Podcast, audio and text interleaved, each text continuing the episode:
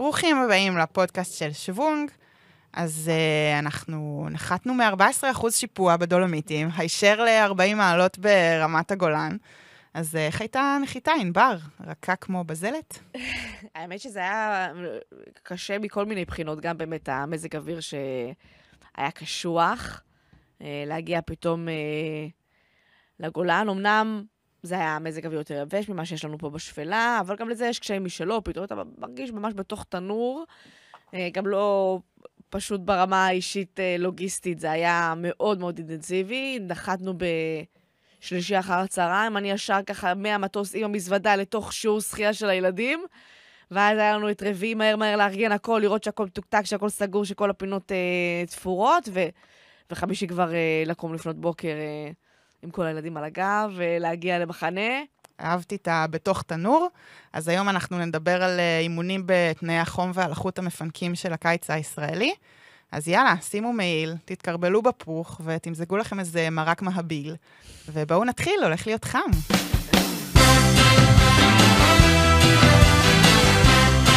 טוב, אחרי שסיימנו להוציא לכם את העיניים בכל הרשתות החברתיות, אז הגיע הזמן גם להוציא לכם את האוזניים. נדבר על זה קצת, מה היה לנו שם? אה, חזרנו לא מזמן ממסע רכיבה בדולומיטים. נכון. איך היה לך, ענבר? אז ב...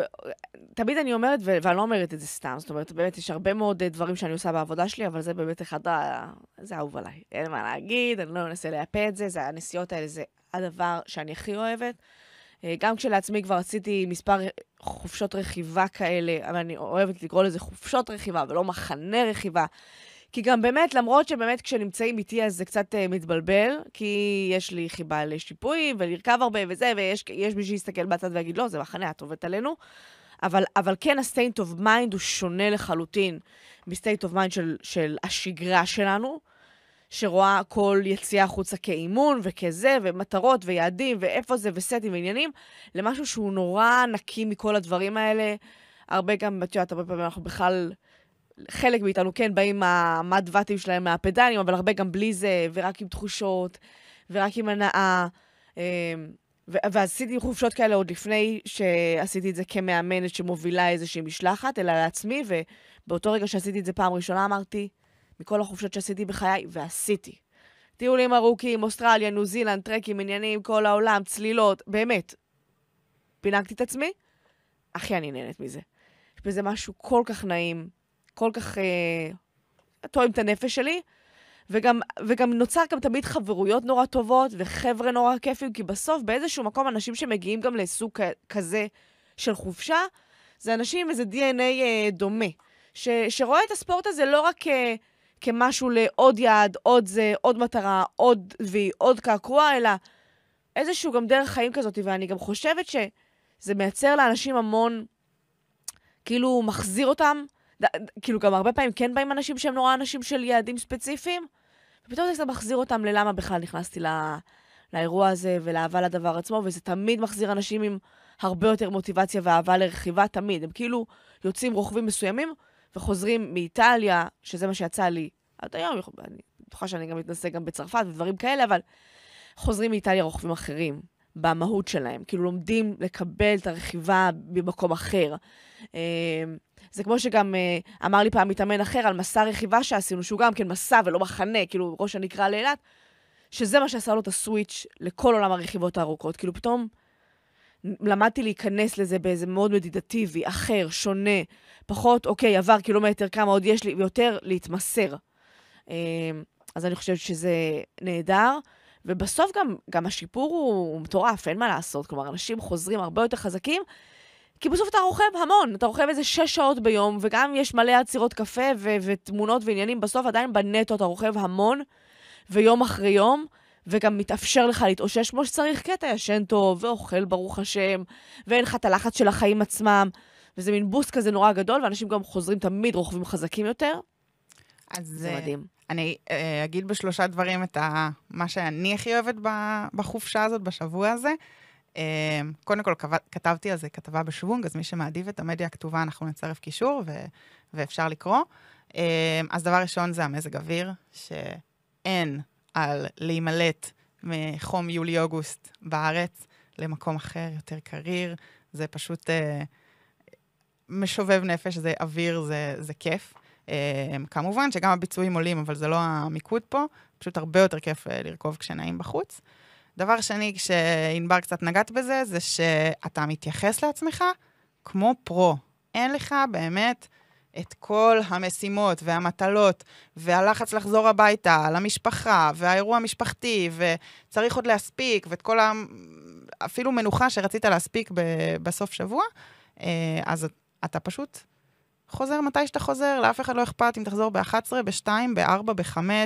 זה אומר שהרכיבה עצמה היא הרבה יותר באיזי בהיבט ההפסקות, ועוד שותים קפה, אז לאף אחד לא אכפת אם זה...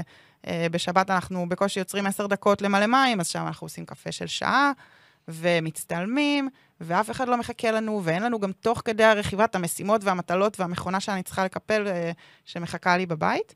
ודבר שלישי זה שזה ראש שקט. כאילו, אתה הולך לחבילה שאתה יודע שדואגים לך להכל ברמה הכי גבוהה. שיש לך ארוחת בוקר הכי מפנקת, ומכינים לך את הכריכים, כאילו, אתה לא צריך לחשוב על כלום, ולרכיבה, ואת הבננות, ואת הספה שאחרי זה, ואת הכביסה של הבגדים, נכון. כאילו, הראש כל כך שקט וכל כך מאפשר לך להתרכז בה, בעצמך, ברכיבות, במנוחה, בכיף, אה, שזה פשוט priceless. זה... החופשת סקי של הקיץ, והרבה יותר אה, כיף מזה. נכון, אגב, גם באופן מקרי, זה הרבה, כל המקומות שאנחנו תמיד הולכים אליהם, זה בדיוק אותם אתרים. נכון. שבעצם אתרים שהם אה, מקומות שהם אתרי סקי במהלך החורף, ואז הם אה, גילו שיש דרך להמשיך ולעשות כסף מעונת תיירות נוספת.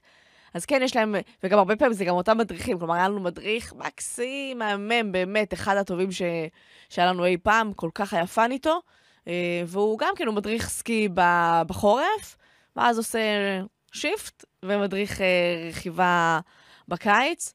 אה, אם שאלתם האם אפשר בירידה של 14% אה, להוריד ידיים, לקחת מצלמה, לצלם אחורנית, לעשות פדיקור מניקור, הוא הראה לנו שזה, שזה אפשרי. זו אופציה. אל תנסו את זה בבית. כן, אז לחיות חוויות רבות כאלה שעוד יהיו לנו בשנה הבאה בטוח, אנחנו ככה שמים תמיד כל, כל שנה את זה על המפה, וזה גם, שוב, זה גם נחמד באמת לאנשים ש... חלק או בדרך ל, למרות שלא לא תמיד זה אפשרי כל כך הרבה פרויקטים לעשות ועוד בחו"ל וזה, אבל גם לכאלה שאני כן הרבה פעמים אומרת לאנשים, לא ישר להירשם לעוד איש ברזל שנה אחרי שנה, לפעמים גם אפשר לעשות שנה כן, שנה לא, בכלל לא ברמה הפיזיולוגית, אלא יותר ברמה המנטלית והנפשית, וה... אבל כן גם, שוב, אנחנו גם מדברים על זה, על, על, על עליות הספורטאי תמיד. בין אם יש לי תחרות ואין לי תחרות, וגם אם זה לא משהו שהשנה, אני עדיין רואה את עצמי כטריאטלט לכל דבר ועניין, ויש לי מספיק דברים לעבוד עליהם, אז כן תמיד להישאר בלופ הזה, אבל גם ממקומות אחרים, וליהנות טיפה מדברים שונים, וזה על הכיפאק. אני לגמרי באתי השנה בלי שום יד, ביד ליהנות ולכיף, וזה עבד. וזה עבד. אז אה, משם אנחנו באמת הגענו למחנה סופר חם. אה, אז באמת, אם אנחנו מדברים רגע על עכשיו, אחרי שדיברנו על החשיבות של חופשות רכיבה בחו"ל, על החשיבות של מחנות אימונים בארץ. אז, אז בעצם אנחנו תמיד, אה, אנחנו אוהבים להתגאות בארבעה מחנות אימונים בשנה, אה, שבעצם מחנות אימונים יכולות, יכול להיות להם מספר תפקידים. אה, אז בגדול, בהגעה המקצועית אנחנו קוראים לזה מה שנקרא crash cycle. כלומר, אנחנו מייצרים איזשהו עומס אימונים ספציפי, חזק מאוד על הגוף, אנחנו מאפשרים לו גם כן, גם פה במחנה אימונים, אחת הסיבות שאנחנו לפעמים בכל זאת לא נעשה את זה מהבית, אלא כן נתרחק וניקח לינה. פעם היה לי שיחה על זה עם רזניק, שהיה באיזה קבוצה שכן ניסו לעשות משהו קרוב לבית, והוא אמר, לא, כי אני חוזר, ואז אני מוצא את עצמי עובד ארבע שעות על הצנרת בגינה, ולא באמת מתאושש. אז כן, אלא אם כן אתם אנשי הצוות במחנה שלי, אז בין אימונים אתם יכולים להתאושש וללכת לישון. אמ, אז זה חשוב, וזה מאפשר לנו באמת לעשות איזשהו בוסט מאוד חזק. ואז אנחנו נכנסים מתוך זה לאיזושהי רגיעה, התאוששות, נותנים לגוף לספוג את כל הדבר. הנה, גם אני באמת, יצא לי גם בדולמיטים לרכב המון, גם במחנה שעשינו פה להתאמן המון, ואז הרגשתי איזשהו, באמת, שהגוף מפורק, מפורק מפוצץ. לקחתי איזה חצי שבוע שהמשכתי להתאמן, אבל הורדתי עומסים בצורה מאוד משמעותית, ואז רק באמת בסוף השבוע פתאום הרגשתי את התועלת של השבוע וחצי הזה שעשיתי. אז בעצם זה מה שאנחנו עושים, ולכן, אנחנו כן, אני כן תמיד ממקמת את, את המחנה האחרון לקראת תחרות היעד שלושה שבועות לפני, כי זה באמת בדיוק מכניס את האנשים טוב למה שנקרא תקופת החידוד, או טייפר, כמו שקוראים לה. אבל אני תמיד גם, תמיד ממליצה מאוד לאנשים, ובאמת הרבה מאוד חבר'ה הגיעו, כאלה שדווקא בכלל מתאמנים לטבריה, שלקחו את זה כאיזשהו מחנה שהוא דווקא פותח עונה. ואנחנו מייצרים איזה עומס אימונים מאוד כבד, וטאק, אנשים הרגישו את השיפור, פתאום רכיבה עכשיו, אנשים באו אחרי שהם שם רכבו מבוך חמה, עניינים, פתאום הגיעו לצובה פעם ראשונה, וואלה, טרפו אותה, עשו אותה. אמ, למרות שזה נראה להם משהו בלתי מושג. אז כן, זה דבר שהוא מתאפשר. אז היה לנו מחנה כזה, בתנאים חמים מאוד. אה, תמיד גם אני, כשאנחנו עושים מחנה כזה בקיץ, אני תמיד, אם זה מאי, כאילו יוני, אפילו מאי ואילך, אני תמיד אוהבת להדרים לרמה. והפעם עשינו אפילו הכי צפוני בערך שאנחנו מכירים ברמה. אה, כי שם באמת החום היה טיפה יותר נסבל, זה היה גם סוף שבוע שהיה עליו מלא כותרות, מה יהיה חום קיצוני, ואני מתחילה לקבל מלא וואטסאפים, ענבר, אנחנו סגורים על המחנה הזה, את סגורה על זה, זה, את בטוחה בזה, זה נראה לך הגיוני. אז כן, אה, יצאנו בכל זאת למחנה ונערכנו בהתאם, ועשינו קצת שינויים. התחלנו עם נורא נורא מוקדם, נסיים אותם בשעה יחסית סבירה. אבל גם כן, לפעמים מורידים, וחשוב לדבר על זה. באופן כללי אנחנו רואים שאנחנו הרבה מדברים היום על, על אה, כשאנחנו מאמנים בן אדם, אנחנו כן המון מתחשבים בכמה זמן הוא מתאמן, באיזה עצימות הוא מתאמן, שזה גם עוד התקדמות מתקופות שבהן כל מה שהיה מעניין אותנו זה כמה קילומטרים אני רץ בשבוע לקראת המרתון, ולעלות בעשרה אחוז. כאילו, זה מהות הכל, הנפח. ואם הוא גדל מספיק, כאילו, רק במידה מדודה, זה בסדר. כלומר, לגמרי פעם התעלמו מכל סוגיית ה... באיזה קצב בכלל עשיתי, באיזה עצימות. היום אנחנו כן משכללים את זה. אנחנו נדבר על זה בטח באיזה פודקאסט אה, הבא, כל נושא ה Training Stress Score, מדד עצימות האימון ומה הוא מחשב. אבל כן, עדיין אנחנו לא, לא לגמרי על זה, ואני בטוחה שזה עוד מאוד ישתנה בהמשך. קודם כל, בכלל, היום אנחנו מבדילים בין עצימות ריצה, running TSS ל-swim TSS, כלומר, כן מבינים שבכל זאת יש סטרס שונה לריצה אל מול שחייה, אל מול רכיבה, אפילו אם הם היו באותה עצימות, ועדיין זה לא מושלם. כי כשאני יוצאת לריצת חילוף, כמו שעשיתי בשישי, וכבר 37 מעלות, חם לי וסיימתי גם רכיבה קשה, הריצה הזאת היא לא משפיעה עליי כמו אם הייתי יוצאת בבוקר, ש-25 מעלות, שזה גם לא נעים, אלינו, אבל 25 מעלות, בלי רכיבה לפני זה, וישנתי טוב או לא ישנתי טוב, זה גם משפיע על, על עצימות האימון בעצם. אז בעצם מה שאת אומרת זה שהכלים שלנו למדוד את עצמנו משתכללים, לאו דווקא, ואני רואה את זה הרבה במתאמנים חדשים.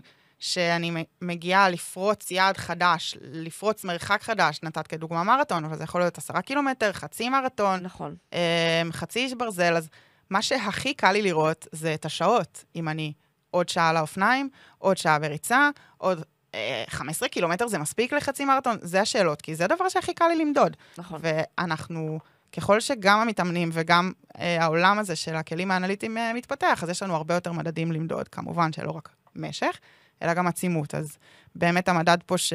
אה, שענבר הזכירה, Training Stress Score, מאפשר לנו לכמת גם עצימות וגם משך ביחד בנוסחה, שמראה לנו באמת ב TrainingPeaks בצורה מאוד מאוד קלה, מה ההשפעה של האימון, הוא יכול להתחשב פה בדופק, הוא יכול להתחשב פה בוואטים, והוא יכול להתחשב רק ב, לצורך העניין, קצבים של ריצה או שחייה, אבל uh, באמת הלחץ הנפשי והשינה וכל מיני כלים כאלה, או מתי אה, האימון נעשה, בכלל לא מופיעים במספר הזה, כן? נכון. כן? והם מדדים מאוד חשובים. נכון, וזה תמיד אני גם אומרת, שאני מאמנת בן אדם שעובד במציאות נורא נורא אינטנסיבית ומאוד קשה, שלוש, שמונה ילדים, אני לא יודעת מה, זה לא אותו אימונים שצריך לכתוב לבן אדם שמעביר סדנאות שתיקה באשרם במדבר. זה אחרת לגמרי, כמות הסטרס היא מושפעת, ובגלל זה גם, עכשיו תכף נדבר על נושא של אימונים בחום, שאנחנו חייבים לייצר איזושהי גמישות מחשבתית שמבינה שיש משמעות שונה לאימונים שונים בעומס אחר, ולא להגיד, אבל הייתי על הנורמלייזד שהייתי צריך להיות עליו, למה התכווצתי, למה היה לי קשה, למה...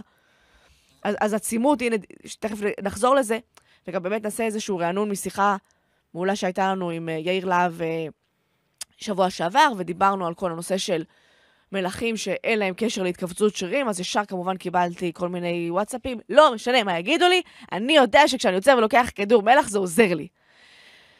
הקשרים אנחנו יכולים לעשות בראש עד אינסוף, אבל בסוף יש uh, פיזיולוגיה, יש ביוכימיה, יש uh, מדע שעומד מאחורי הדברים האלה, ו- וכן, עכשיו גם יאיר דיבר על כך שהוא, שהוא אמר בעצם שמדובר בעיקר, אחד הגורמים המרכזיים זה מאמץ שהגוף לא מורגל אליו. ואז יגיד לי בן אדם, אה, מה לא מאורגן? אני רוכבת כל הזמן. מה פתאום, לא- מה זה לא מאורגן? ואז אמרתי, כן, נכון, אבל גם כשהוא דיבר על זה שהטניסאית מתכווצת ביד שבה היא חובטת, ברור שהיא מתורגלת בזה. אבל יש פה עוד מכלול של דברים. היה יום פתאום נורא חם, והיית בסטרס שהוא היה מעבר, ואז נשארת על אותה עצימות שאת כביכול רגילה אליה. אבל, ו... אבל, גם, גם, גם, אבל גם השונות, גם אולי היית בגדול על העצימות, אבל כל מיני פיקים נורא נורא חזקים יצרו באותם 20 חצ... שניות, חצי דקה, מאמץ שהוא גבוה יותר. כלומר, המספרים הם נהדרים, הם מעולים, אבל אי אפשר לצפות מהם לחזות לנו את הכל, להחליף לנו תחושה, קשר לעצמנו. אני חושבת שמאוד מאוד חווים את זה בריצה. אמ, בקיץ ובלחות, לא משנה באיזה שעה אתה קם, הריצות בקיץ פחות טובות, או יותר קשות.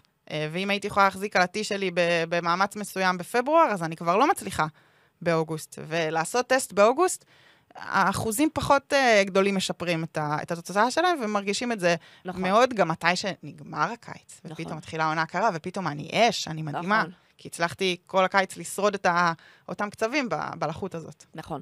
אגב, וגם, עכשיו, גם תמיד אנחנו אומרים שלחות זה הדבר הכי נורא, אבל גם ליובש יש משמעות. כלומר, אני נגיד באימון הראשון האינטנסיבי שעשינו ברמה, הרגשתי שהגרון שלי בוער, כאילו לא הבנתי מאיפה מביאים את זה, וגם, ואז זה הזכיר לי שגם נגיד, בבה"ד 1, אז תמיד הכינו אותנו לזה שהכנה זה טוב ויפה, ועשינו ברור לפני זה, אבל תדעו שהברור הראשון בבה"ד 1 הוא תמיד קצת יותר איטי, ושם דווקא באמת היה מדובר בתנאי יובש קיצוניים.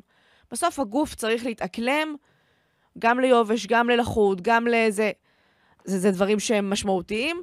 Um, היה נגיד פעם איזה סיפור, אני, שוב, אני לא זוכרת, uh, סליחה שלא למדתי את זה מספיק קודם, אבל באמת רצת מרתון שהגיעה ל, ל, ל, ל, לאולימפיאדה באתונה, ולפני זה עשתה באמת שבוע אימונים מרשים מאוד בגובה כדי לקבל את התועלת של זה, אבל גובה יבש, אתונה לך למות, התפרקה לחלוטין. אז גם האדפטציה הספציפית היא תמיד מאוד חשובה, והיא עובדת לכל הכיוונים. אז בעצם אה, לגוף שלנו יש אה, מנגנון מופלא וייחודי להתמודד נכון. עם החום. אה, והוא עזרה. נכון. אז בואו באמת נצלול קצת ונדבר על נושא של אימונים בחום, ועל בעצם מה הסכנות שאנחנו מדברים עליהן.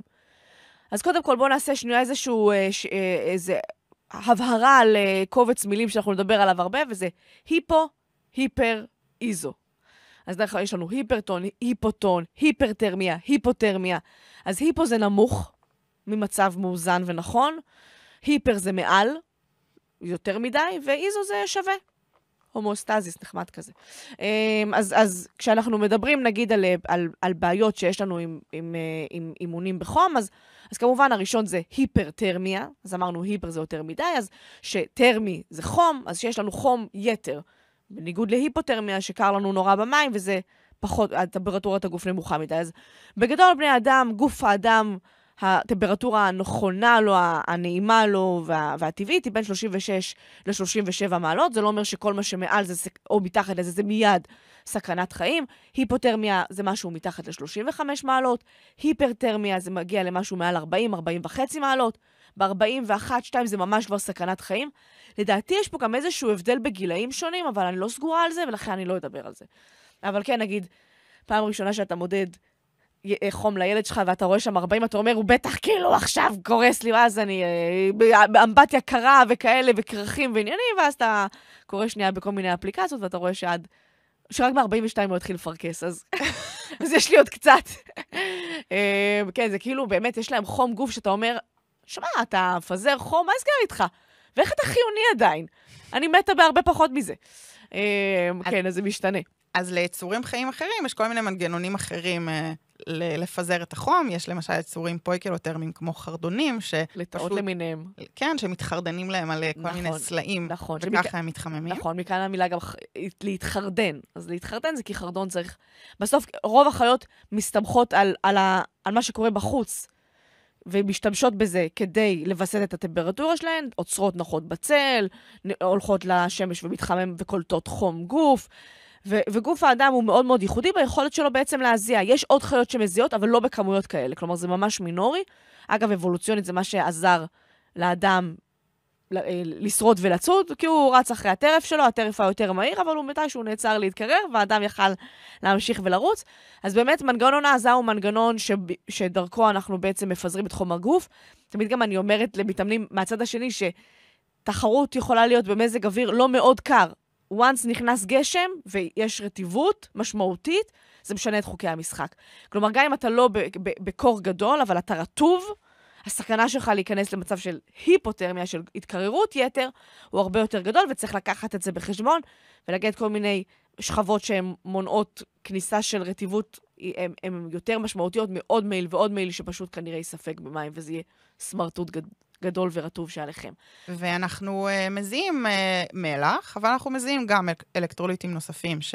מומסים נכון. ונמצאים לנו נכון. uh, בדם. רגע, אז אני רוצה גם רק, uh, אז באמת אנחנו מזיעים, אז לפני שנדבר על העיבוד של הנוזלים והזה, אז נגיד שהיפרטרמיה באמת... זה, זה מצב שהוא חמור ומסוכן מאוד. כלומר, הרבה פעמים, בין, תמיד uh, בצבא, לא עוד מישהו התמוטט, ישר אמרו התייבשות, למרות שזה לא תמיד היה זה. אז קודם כל צריך לדעת שגם הטיפול הוא שונה. בהיפרטרמיה, המטרה המרכזית שלי זה לא שהבן אדם ישתה כרגע, אפילו לא, כי הוא יכול להיות מעורפל הכרה בכלל בגלל המצב שלו, זה לקרר אותו, וכמה שיותר מהר להפשיט. היום נגיד גם כמי שמפיקה תחרות uh, אחת לשנה, אז הנוהל תחרות זה שיהיה אוהל סגור, כדי שאני אוכל להכניס בן אדם, להפשיט אותו בלי שכולם רואים אותו, להכניס אותו לאמבטיה קרה ולשפוך עליו כמה שיותר מים. זה, זה הדבר שהכי חשוב, זה פשוט לצנן את הבן אדם. גם בצבא היה לנו תמיד מי קירור, שהתפקיד שלהם היה לא לשתות אותם במידה והטרמוקל מתרוקן, אלא לשפוך על בן אדם במידה והוא במכת חום. אמ, כי בעצם מה שקורה במכת חום זה בעצם מה שקורה לסטייק שלנו, שאנחנו שמים אותו על המחבת, או הדג במקרה שלי. אמ, אתם שומעים כזה, והחלבונים נקרשים. דנטורציה. בדיוק. והבעיה שצריך לזכור, זה שאם קיבלתי את הסטייק שלי well done, אני לא יכולה להחזיר אותו למלצר שלי ולהגיד, לא, תעשה לי אותו רר. הוא לא יעשה. מקסימום הוא יזרוק ויעשה חדש. ואותו דבר לגבי, לגבי האיברים הפנימיים שלנו. once אנחנו מייצרים את המצב הזה, אנחנו יכולים לייצר נזק שהוא בלתי הפיך, ולכן זה כל כך קריטי. הגורמים לזה זה כמובן שבסוף, בזמן פעילות הגוף שלנו מתחמם, מייצר אנרגיה וחום. אנחנו אמורים לפזר את זה על ידי הזעה, ולפעמים אנחנו לא עושים את זה מספיק טוב ומספיק מהר. עכשיו, זה נכון שאנשים גדולים יותר מתחממים יותר מכמה סיבות. אחד, כי יש להם גוף יותר גדול, הם צריכים לייצר יותר אנרגיה, ולכן גם בדרך כלל הם גם מייצרים נגיד יותר ואטים באופן טבעי, כאילו יותר גדול, מי... יכולים לייצר יותר כוח, מייצרים יותר אנרגיה, מייצרים יותר חום. והדבר הנוסף, זה שיש להם כנראה פחות שטח פנים. הרי, הרי מה שבסוף קורה זה שיש לי שטח פנים, נגיד אם אני בלון, אז פנים הבלון מייצר לי את החום, והנפ... וה... והפנ... והפנים של הבלון זה מה שמפזר את החום. היי, כיף. בדיוק. הבלון שהוא לא מנופח, אז אין לו הרבה בפנים שייצר חום, אבל יש לו מספיק מקום שיפזר את החום. ככל שהבלון יותר שמנמן, יותר עבה, אז יש לי יותר ייצור חום על פחות אזור, על פחות נפח, כאילו יש לי יותר נפח על פחות שטח פנים. Mm-hmm. אם היינו כולנו דף נייר, זה היה הכי טוב. אנחנו לא, אבל, אה, אבל כן, אנשים גדולים יותר, הם יותר בסיכון להתחמם יותר. ובנוסף, יש פה גם נטייה גנטית. נכון, חד משמעית. כלומר, זה לא תמיד רק זה, כאילו, אנחנו כן רואים אנשים שאומרים, סובלים מקור, למרות אה, לא בהכרח שהם אחוז שומן נמוך, ולהפך. אני נגיד תמיד, אה, כאילו, יש לי תאומים אגב, אחד היה רזה יותר ב- בילדותו, ותמיד דווקא התפלאתי מזה שקטן, קטן, אבל ממזר. כאילו, דווקא היה לו רגליים הרבה יותר חמות מלאח שלו, שהיה קצת יותר גדול ממנו בזמנו. היום די ישבו את היחסים, אבל, אבל זה, זה לאו דווקא קשור, זה גם באמת נטייה גנטית, או חילוף, חילוף חומרים פנימי, כל מיני דברים כאלה. אמ, אז צריך לזכור את זה. אמ, מה עוד רצינו להגיד על זה? רצינו להגיד uh, את העדות שנתן לנו דוקטור טל נכון, אגמי. נכון, נכון. מטבריה 22. נכון, אז שאחד הסיכונים שמדברים עליהם זה נושא שבאמת אה, דוקטור טל אגמי, שהוא מתאמן אצלנו בקבוצה, וגם היה אחד מרופאי התחרות בטבריה לפני שנתיים, שהיה חם. נראה מה היה השנה. סכנה גדולה שגם השנה יהיה חם, אם איך שזה נראה כרגע, אבל, אה, אבל היה חם, והוא אמר שהיה באמת לא מעט מקרים של מכות חום, והוא אמר שאני לא יודעת אם כולם, או כמעט כולם, או ממש הרוב המכריע, היו כאלה שחזרו ממחלת חום בשבוע שלפני התחרות. וגם אם אתם תראו שבאמת, לרוב, בהצהרות הבריאות למיניהם שואלים, הייתה לך מחלת חום בשבוע שלפני התחרות? וזה לא סתם נשאל. משהו במחלת חום, משבשת את התרמוסטט של הגוף ואת היכולת שלו להתקרר, או שהוא מייצר עדיין יותר חום באופן אה, אה, אוטומטי, אה, וזה מצב מסוכן יותר. אגב, מסתבר שאם חוזרים עם מחלת חום, במקרה שלי, גם להיכנס למסחי דולפין יכול להיות בעיה של קור. אה, אבל אז היא עוברת גם על היפותרמיה, אבל גם על היפרתרמיה. ודבר נוסף שהוא אמר שנורא מעניין, זה שאנשים שנכנסו למצב של היפרתרמיה, לדעתי בניגוד גם להיפותרמיה, משהו במנגנון ויסות החום שלהם משתבש. ולכן, בן אדם שקיבל פעם אחת מכת חום, האצבע יותר קלה על ההדק, הסיכוי שהוא שוב פעם יגיע למצב כזה הוא יותר גבוה. ולכן, אני קוראת לכם, לחשוב פעמיים לפני שאתם עושים את הדבר הזה ולהגיד, כבר שילמתי וכבר נרשמתי וכבר עבדתי וכבר... ואני כבר אזנק, זה מסוכן. גם בגלל הסכנה שאתם יכולים להביא את עצמכם באותה תחרות, וגם בגלל הנזק הפרמננטי שאתם עושים למנגנון פיזור החום שלכם להמשך, ויכול להשפיע עליכם גם שנים, אם לא לכל החיים קדימה. כן, אז אנחנו מדברות פה על זינוק לאחר מחלת חום. בדיוק. אמ, אז ואם נדבר עכשיו, אז, אה, אז דיברנו על היפרתרמיה, מצב של חום, איך נמנעים מזה, מה עושים וכאלה. עכשיו בואו נדבר טיפה על נושא של התייבשות ועיבוד מלחים. אז כמובן, כמו שאמרנו, אנחנו... עכשיו, בסוף, כן, הדברים הם כאילו עניינים נפרדים, אבל יש ביניהם גם איזשהו קשר. בסוף כן, כשאני, כשאני בספורט, אז אני משתמשת ב, ב... אני מוציאה נוזלים מהגוף כדי לקרר את עצמי, ואז ככל שחם יותר, אני גם כנראה אאבד יותר נוזלים, ואני אהיה יותר גם...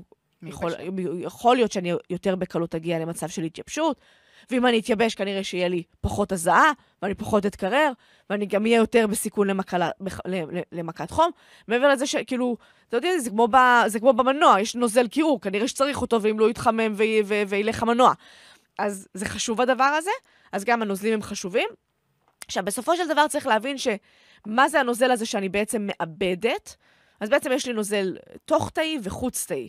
Uh, בתוך התאי יש בעיקר אשלגן, ואותו פחות, אשלגן הוא פחות דבר שאני צריכה להחזיר ומאבד אותו, והחוץ-תאי יש בו בעיקר נתרן. Uh, וכשאני מזיעה, אני בעיקר, אני, אני לא בעיקר, אני מוציאה את, את הנוזל החוץ-תאי, שהוא יש בו נתרן וכלור, בעצם אני מזיעה נתרן כלורי, שזה, שזה בעצם המלח השולחני שלנו, גם כן בעצם נתרן כלורי, אז בדיוק, כמעט לגמרי אותו הרכב. Uh, זה מה שאני בעצם מאבדת. ולמה הנתרן הזה חשוב לי? הולכה עצבית, קיבוץ שרירי, ונכון, בגלל זה גם אנשים היו אומרים שאם אני מאבדת מלח, אז ב- ב- זה העניין של הקיבוץ השרירי, אבל, אבל זה, לא, זה לא מדויק להגיד את זה. אה, ספיגה של נוטריאנטים במעי, אז גם, גם למערכת העיכולי הרבה פחות, הרבה יותר קשה לתפקד בצורה טובה ברגע של מחסור במלחים. אה, שמירה על יכולת קוגניטיבית, שתכף נבין גם למה, ושמירה על מאזן הנוזלים בגוף. עכשיו, אה, כמה אנחנו מאבדים? זה מאוד משתנה. אה, כל אחד מאבד, עכשיו צריך להבין שזה שאני מזיעה ובן אדם אחר מזיע, אז יש פה שני דברים שיכולים להיות נפרדים בינינו. אחד זה כמה אנחנו מזיעים. יש אחד שמזיע, יש את ה-heavy sweaters ויש את ה-light sweaters, כאילו כאלה שמזיעים הרבה, כאלה ש... מאלה ש... שכבר אתה רואה את הצעדים שלהם. כי הם מזיעים בנעל, וזה כבר יוצא מהסוליה, זה באמת ברמות. זה, והמכנסיים, והכל כאילו טרפת של, של, של, של נוזלים. ממיסים, טריינרים. ממיסים, נכון. יש לנו חבר כזה. כן. שהרס אופניים ב-20 אלף שקל. כמה פעמים, ולא פעם אחת. נכון. מרוב הזהב, וזה בעצם המרכיב השני, זה לא רק הכמות של הזעה, זה גם ההרכב של הזעה. כלומר, ענבר ואני יכולות להזיע כל אחת אותו נפח, בין בעצם נפח אה, של, של הזעה בדרך כלל לבן אדם, זה בין חצי ליטר לשניים וחצי ליטר, שזה משרעת מאוד גדולה. אבל אפילו אם שתינו מזיעות ליטר, יכול להיות שהרכב מלח הוא שונה. נכון, זה יכול להגיד... ומאוד רואים את זה על הבגדים. יש אנשים נכון. שמסיימים והבגדים שלהם לבנים, ולאו דווקא מהמלח של הים התיכון, אלא באמת מכל הזיעה שהם הזיעו. נכון. אגב, נגיד, בטבריה אני זוכרת שראיתי איזה בחור לא, לא מהקבוצה, ולחצתי לו את היד בסוף התחרות, קודם כל לא היה שם ים תיכון, לא היה שם מלח במים, אז גם זה לא יכול להיות משם. ממש הרגשתי שלחצתי יד למלחייה. נשארו עליי גושי מלח מכף היד שלו. אמרתי, אח שלו... וואו. בתור אה, מחבבת מלחיות, אני חושבת שזה... האמת שאני מאוד מחבבת מלחיות. ערימת ירקות עם המון מלח, זה בערך מה שזה הארוחה האהובה עליי.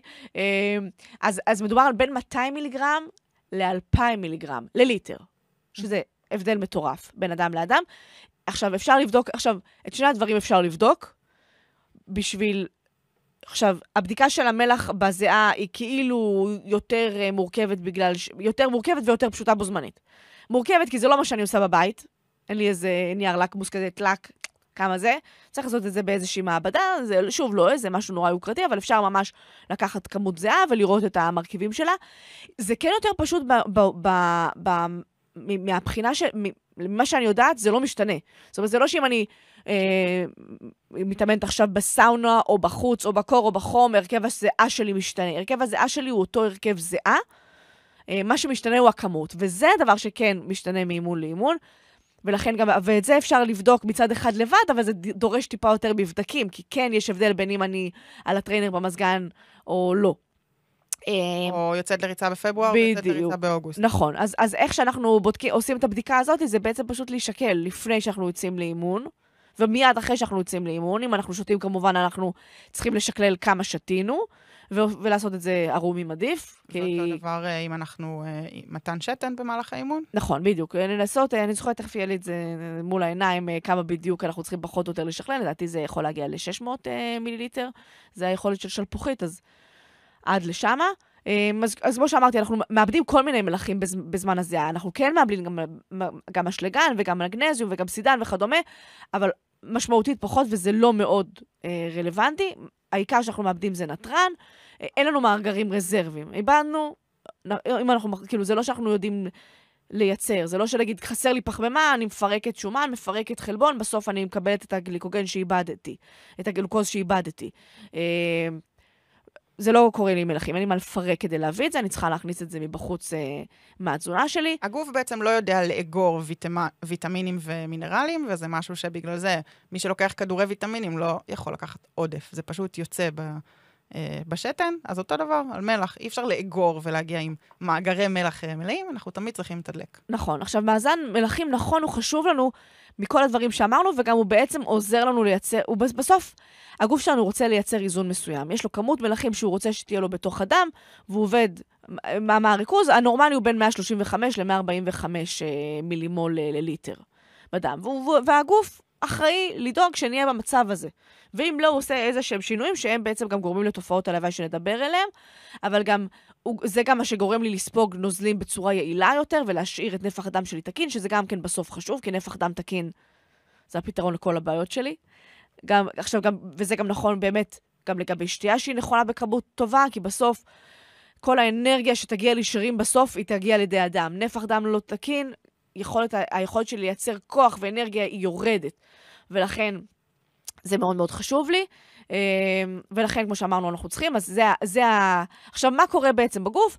במקרה של ריכוז גבוה יותר של, אה, של מלח בדם, מים, שוב, כדי לייצר את האיזון הזה בין תוך התא לחוץ התא, אם יש לי יותר מדי בחוץ התא, מים מתוך התא דולפים החוצה, כדי לאזן את, ה, את, ה, את הריכוזים בין הנוזל התוך-תאי לחוץ-תאי. ואז מה קורה לתא? הוא מאבד נוזלים, מתכווץ, נהיה לי צימוקון. אם אנחנו מסתכלים על ענבים, אז ענב בריא בשל סבבוש, זה המצב שאני רוצה שיהיה לי במצב של שיווי משקל נכון. ברגע שאני, יש לי יותר מדי מלח, שזה גם כן דבר שיכול לקרות, אם אנשים לוקחים יותר מדי מלח או שותים פחות מדי, או, או שילוב של שניהם, שזה בדרך כלל מה שאנחנו מדברים עליו, אז בעצם נוזל תוך, התא שלי מתכווץ, אה, ומצב של היפו, היפ, היפ, היפונטרמיה, כלומר, היפו אמרנו זה פחות מדי, דיברנו על זה בהתחלה, שיש לי פחות מדי מלח, קורה הדבר ההפוך. יש לי פחות מדי מחוץ לתא, ואז נוזל מחוץ לתא זורם לתוך התא, והתא מתנפח. ואז הענב הבשל והבריא שאהבתי נהיה ענב בשל מדי, רקוב, מתפוצץ. ופה מתחילה הבעיה. עכשיו, אם אנחנו נסתכל על איברים מהותיים של אדם במצב של היפונטרמיה, אנחנו נראה פשוט כמו בצקת. כלומר, תאים שמתנפחים, גם בריאות יהיו בצקתיות, לכן זה יכול לייצר, תכף נדבר על תופעות לוואי, זה יכול לייצר קשיים בנשימה, וגם המוח מתנפח, שזה ממש. שזה הכי מסוכן. שזה הכי מסוכן, ו- וזה גם מה שיכול לגרום לכאבי ראש, שפה גם זה בעיה, כי זה גם קורה בהתייבשות, אבל תכף נדבר על זה. אמ, חמישה עד שמונה אחוז אם, אה, אם המוח מתנפח מעבר אה, לגודל הטבעי שלו, בום, זה, זה תם הטקס. אמ, אז זה מקרים שהם חריגים, אבל כן, בפרנקפורט 2018 לדעתי, היה מקרה של מוות מהיפונטרמיה. וואו. וזה מה שקורה. עכשיו, אה, אז קצת אה, נדבר עכשיו, עכשיו גם, גם אם מסתכלים ויזואלית על אנשים שהם בהיפונטרמיה, אתה תראה אותם, הם כאילו נפוחים, הם פאפט קצת. עכשיו גם, ומה שעושים זה גם, הרבה פעמים שוקלים בן אדם בסוף תחרות, היו עושים את זה, אני חושבת שעשו את זה גם uh, באפיק שהשתתפתי, ושם ראו כמה בן אדם ירד והוא מיובש, או לחילופין, עלה. עלה. כאילו, ממש, כי הוא היפונטרמיה, ואז יודעים להתייחס לזה. Um, ואז השאלה היא, טוב, אז מה, אז מה אני עושה עם כל המידע המלחיץ הזה? כאילו, מה אני שותה, כמה אני שותה, כמה מלכים, מה את רוצה מהחיים שלי?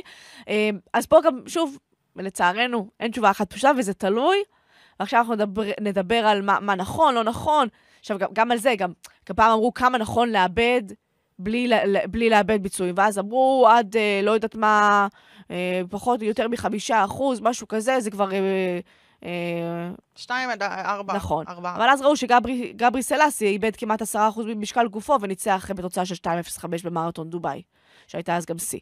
אז, אז צריך גם לזכור שגם גם הרבה פעמים אה, ספורטאי שמתחיל מנופח בגלל... אה, בגלל, הרי מה קורה כשאנחנו עושים מעמסת פחמימה? אנחנו מעמיסים פחמימה, ובכל גרם פחמימה נקשרים נוזלים, אז אנחנו גם מנופחים בנוזלים.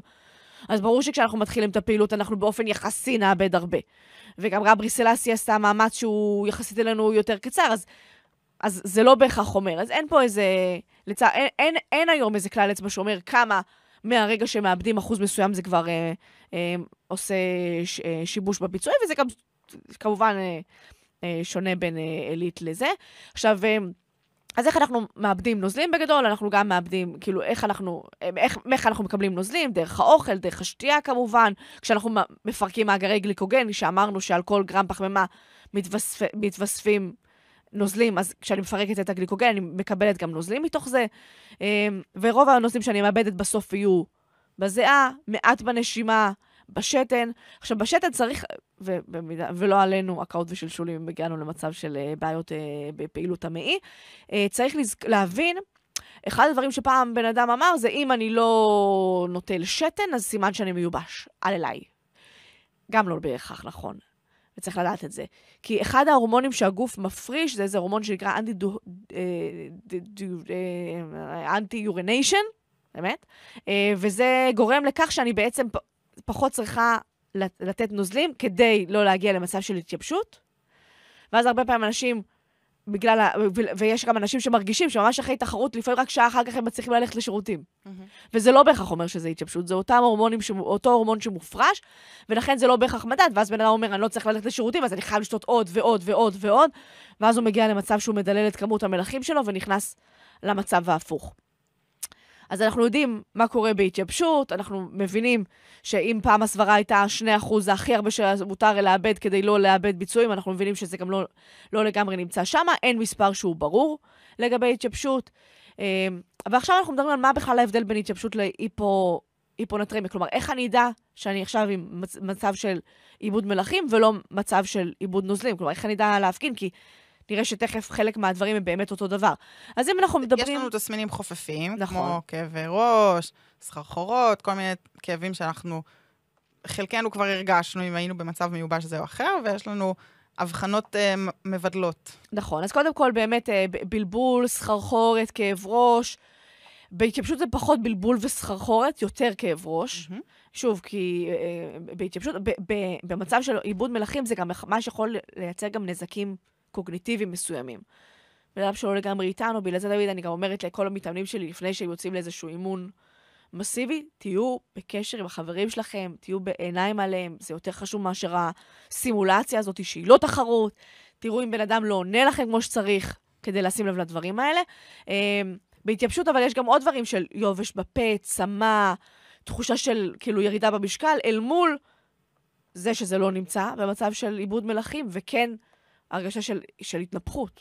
Mm. מה, אפשר להרגיש את זה אולי גם על הבגדים. אה, במצב שהוא כבר... ח... ב, אה, עוד דבר בנושא של, אה, עכשיו, במצב של עיבוד מלחים, אז גם כן יש יכול להיות גם כן יותר בלבול וסחרחורת וכל הדברים האלה, נפיחות ועלייה במשקל. וב, ו, ועוד דבר שיכול להיות זה כבר, וכאבי ראש שהם כבר חמורים יותר, התקפים וקשיי נשימה. זה דבר שגם כן יכול להבדיל היפונטרמיה, כי אמרנו שאחד הדברים זה ש... אה, שיש לנו בצקתיות גם בריאות עצמן. אז אמרנו איך אנחנו מעריכים את כמות הנוזלים שספורטאי אמור מאבד במשך שעה, להישקל לפני, להישקל אחרי, ולפי זה לדעת כמה פחות או יותר אה, אה, אתם אה, מאבדים. כמו שאמרתי, אם אנחנו צריכים להשתין, אז לאבד, זה, זה בדרך כלל זה לא יגיע ל-600, שזה ממש מצב של אה, שלפוחית מפוצצת, אבל זה כן יגיע למצב של 300 אה, גרם כזה, לקחת בחשבון על כל השתנה. אמ, אין לנו הרבה זמן, והייתי רוצה כן לכסות את עולם משקאות הספורט, שהוא מאוד נכון. טרנדי ומבלבל. אז בואו בוא נדבר על זה, אז בעצם... רגע, אז רגע אני אגיד דבר, נוס... דבר אחרון, כמה כללי אצבע, אז אם אנחנו מרגישים שאנחנו מאנשים שמזיעים מעט, אז אנחנו מדברים על בין חצי לליטר לשעה. אם אנחנו מדברים על נורמליה, זה בין ליטר לליטר וחצי, ואם אנחנו מזיעים מאוד משמעותיים, זה מעל שני ליטר. ולגבי מלחים, שאם, איך אנחנו נדע אם אנחנו על 200 או 2,000, אז שוב, מי שלא עושה מבדקי מעבדה, כמה, כמה הבגדים שלי עם גושים של מלח, האם כשאני מזיעה העיניים שלי שורפות מאוד, זה גם כן יכול להעיד על זה שיש אחוז מלח גבוה בתוך הזיעה? אמ, האם, אה, מה קורה ללחץ דם שלי אחרי, אה, אחרי פעילות? האם כשאני קמה, יש לי המון המון סחרחורת, אני מרגישה מבולבלת קצת אחרי, אה, כאבי ראש במהלך כל היום? חשק מאוד מאוד עז למלח, גם כן יכול להגיד על זה. אז זה הדברים שאנחנו יכולים להגיד, ואז לשים אותנו פחות או יותר על הסקאלה, ואז יש לנו איזושהי תמונה של אני מאבדת כנראה בין ליטר לליטר וחצי, אנחנו גם נפרסם את זה עם הפודקאסט, כאילו קצת את הטבלאות האלה, שיהיה לאנשים ככה בכיף. אז אני מאבד, כנראה אני מזיעה נורלית, אז בין ליטר לליטר וחצי, אני מעריכה שאני מזיעה כמות מלח בינונית שזה אלף, אז אני רוצה להכניס ליטר בשעה, אני מניחה שיש שם, שאני מאבדת שם 500 מיליגרם, ואז זה מה שאני צריכה להחזיר בשעה. Mm-hmm, וגם אני... אפשר להתנסות בזה ולראות אם זה מספיק או לא, ואני מזכירה שמלח אנחנו משיגים כמעט מכל דבר שאנחנו אוכלים, גם אם זה פיתה. אה, נכון. מבחינת בוטנים, זה לא חייבים רק כדורי מלח, בטח שמדברים על משקאות שנדבר עליהם עכשיו. נכון. אז בית... אז נדבר קצת על המשקאות. אז זה שלושה סוגים של משקאות אה, פופולריים. המשקה האיזוטוני, ששמעתם את שמו הכי הרבה, שבעצם ההגדרה שלו זה לפי כמות, אמרנו איזו זה שווה, אז כמות המלחים והאלקטרוליטים אה, שווה לכמות המומסים בדם, שזה בין 6 ל-8 אחוזים, שזה הריכוז מומסים שיש לנו בדם. זה מה שיש במשקה, ולכן ההתניידות של גם המלחים וגם הנוזלים אה, לתוך ואל חוץ תאי הדם היא מאוד נוחה ומהירה. ואז אה, נכנסים לנו פה עוד שני אה, אה, מתחת ומעל. מתחת ל-6% אה, מדובר על משקאות היפוטונים. Uh, בגלל שקצת קשה עכשיו לכמת שאתם מסתכלים על התווית מאחורי המשקה, אז גם נהוג uh, לקטלג את זה בצורה קצת פחות מדויקת uh, כ-200 קלוריות, זה הקו, כלומר פחות מ-200 קלוריות זה יהיה נחשב לנוזל היפוטוני. אמ, ומעל 450 קלוריות, ויותר נכון, מעל 8% מומסים, זה היפרטוני. אה, דוגמאות למשקאות היפרטונים שכולכם מכירים, זה קוקה קולה, רדבול ומשקאות אנרגיה למיניהם. אה, ופה חשוב להגיד שה... חברות uh, המשקאות נוהגות לשווק את עצמם. הרבה משקאות הם נוהגים לשווק כמשקה איזוטוני. למרות שאתה מסתכל, נכון. נשמע ספורטיבי ויותר בריא, ופונה לקהל uh, של ספורטאים, למרות שהם למעשה משקה היפרטוני, והם פשוט הרבה יותר סוכר. אה, ראינו את זה למשל בביירון מן אוסטריה, המשקה שהם חילקו כמשקה איזוטוני היה למעשה משקה היפרטוני. נכון. אה, ועכשיו אני ראיתי את זה הפוך, ביירון נכון. מנטלין, הם משווקים משקה איזוטוני שהוא משקה נכון. היפוטוני. עכשיו, יש גם את הסוגיה של נגיד אה, ספונסר לצורך העניין, שהם קוראים למשקה היפוטון, למרות שעל פניו מבחינת קלוריות הוא 220 קלוריות, ואתה אומר, רגע, אבל זה לא היפר? ואז אנחנו קצת צללנו לזה, ולקח לנו זמן להבין איפה, איפה קבור הכלב. אמ, והבנו שבעצם הם מדברים על כמות, הם מתייחסים לסוכרים. ולא לפחמימה באופן כללי. אז גם אם רמת הפחמימה היא גבוהה, ולכן יש 220 קלוריות במשקה, רמת הסוכרים היא יחסית מאוד מאוד נמוכה. ומה שהם מציינים אה, מבחינתם ושמים על דגלם, אגב, גם, ב, גם בג'לים שלהם זה קורה של סיס, אותו דבר, של, לא, לא שלהם, זה כאילו של סיינס וספורט, אותו יבואן בארץ, אבל זה חברות שונות לחלוטין, אבל גם שם יש כמות פחמימה יחסית גדולה, על כמות סוכרים מאוד נמוכה, ומה שהם מדברים זה שזה פחות, כביכול, מגרה ומעצבן את הקיבה, כי יש יותר, יותר פחמימה שהיא slow release, שהעיכול שלה הוא טיפה יותר איטי, משתחררת יותר בעדינות, פחות טעם. את הטעם של הסוכר הגרדה, אה, ולכן זה יותר נעים לעיכול ויותר מתאים למאמצים ארוכים, מאשר בוסט של איזוטון, של, של הרבה סוכר במיידי. כן, עכשיו, עוד uh, חיה שקיימת בעולם המשקאות זה התבליות האלקטרוליטים.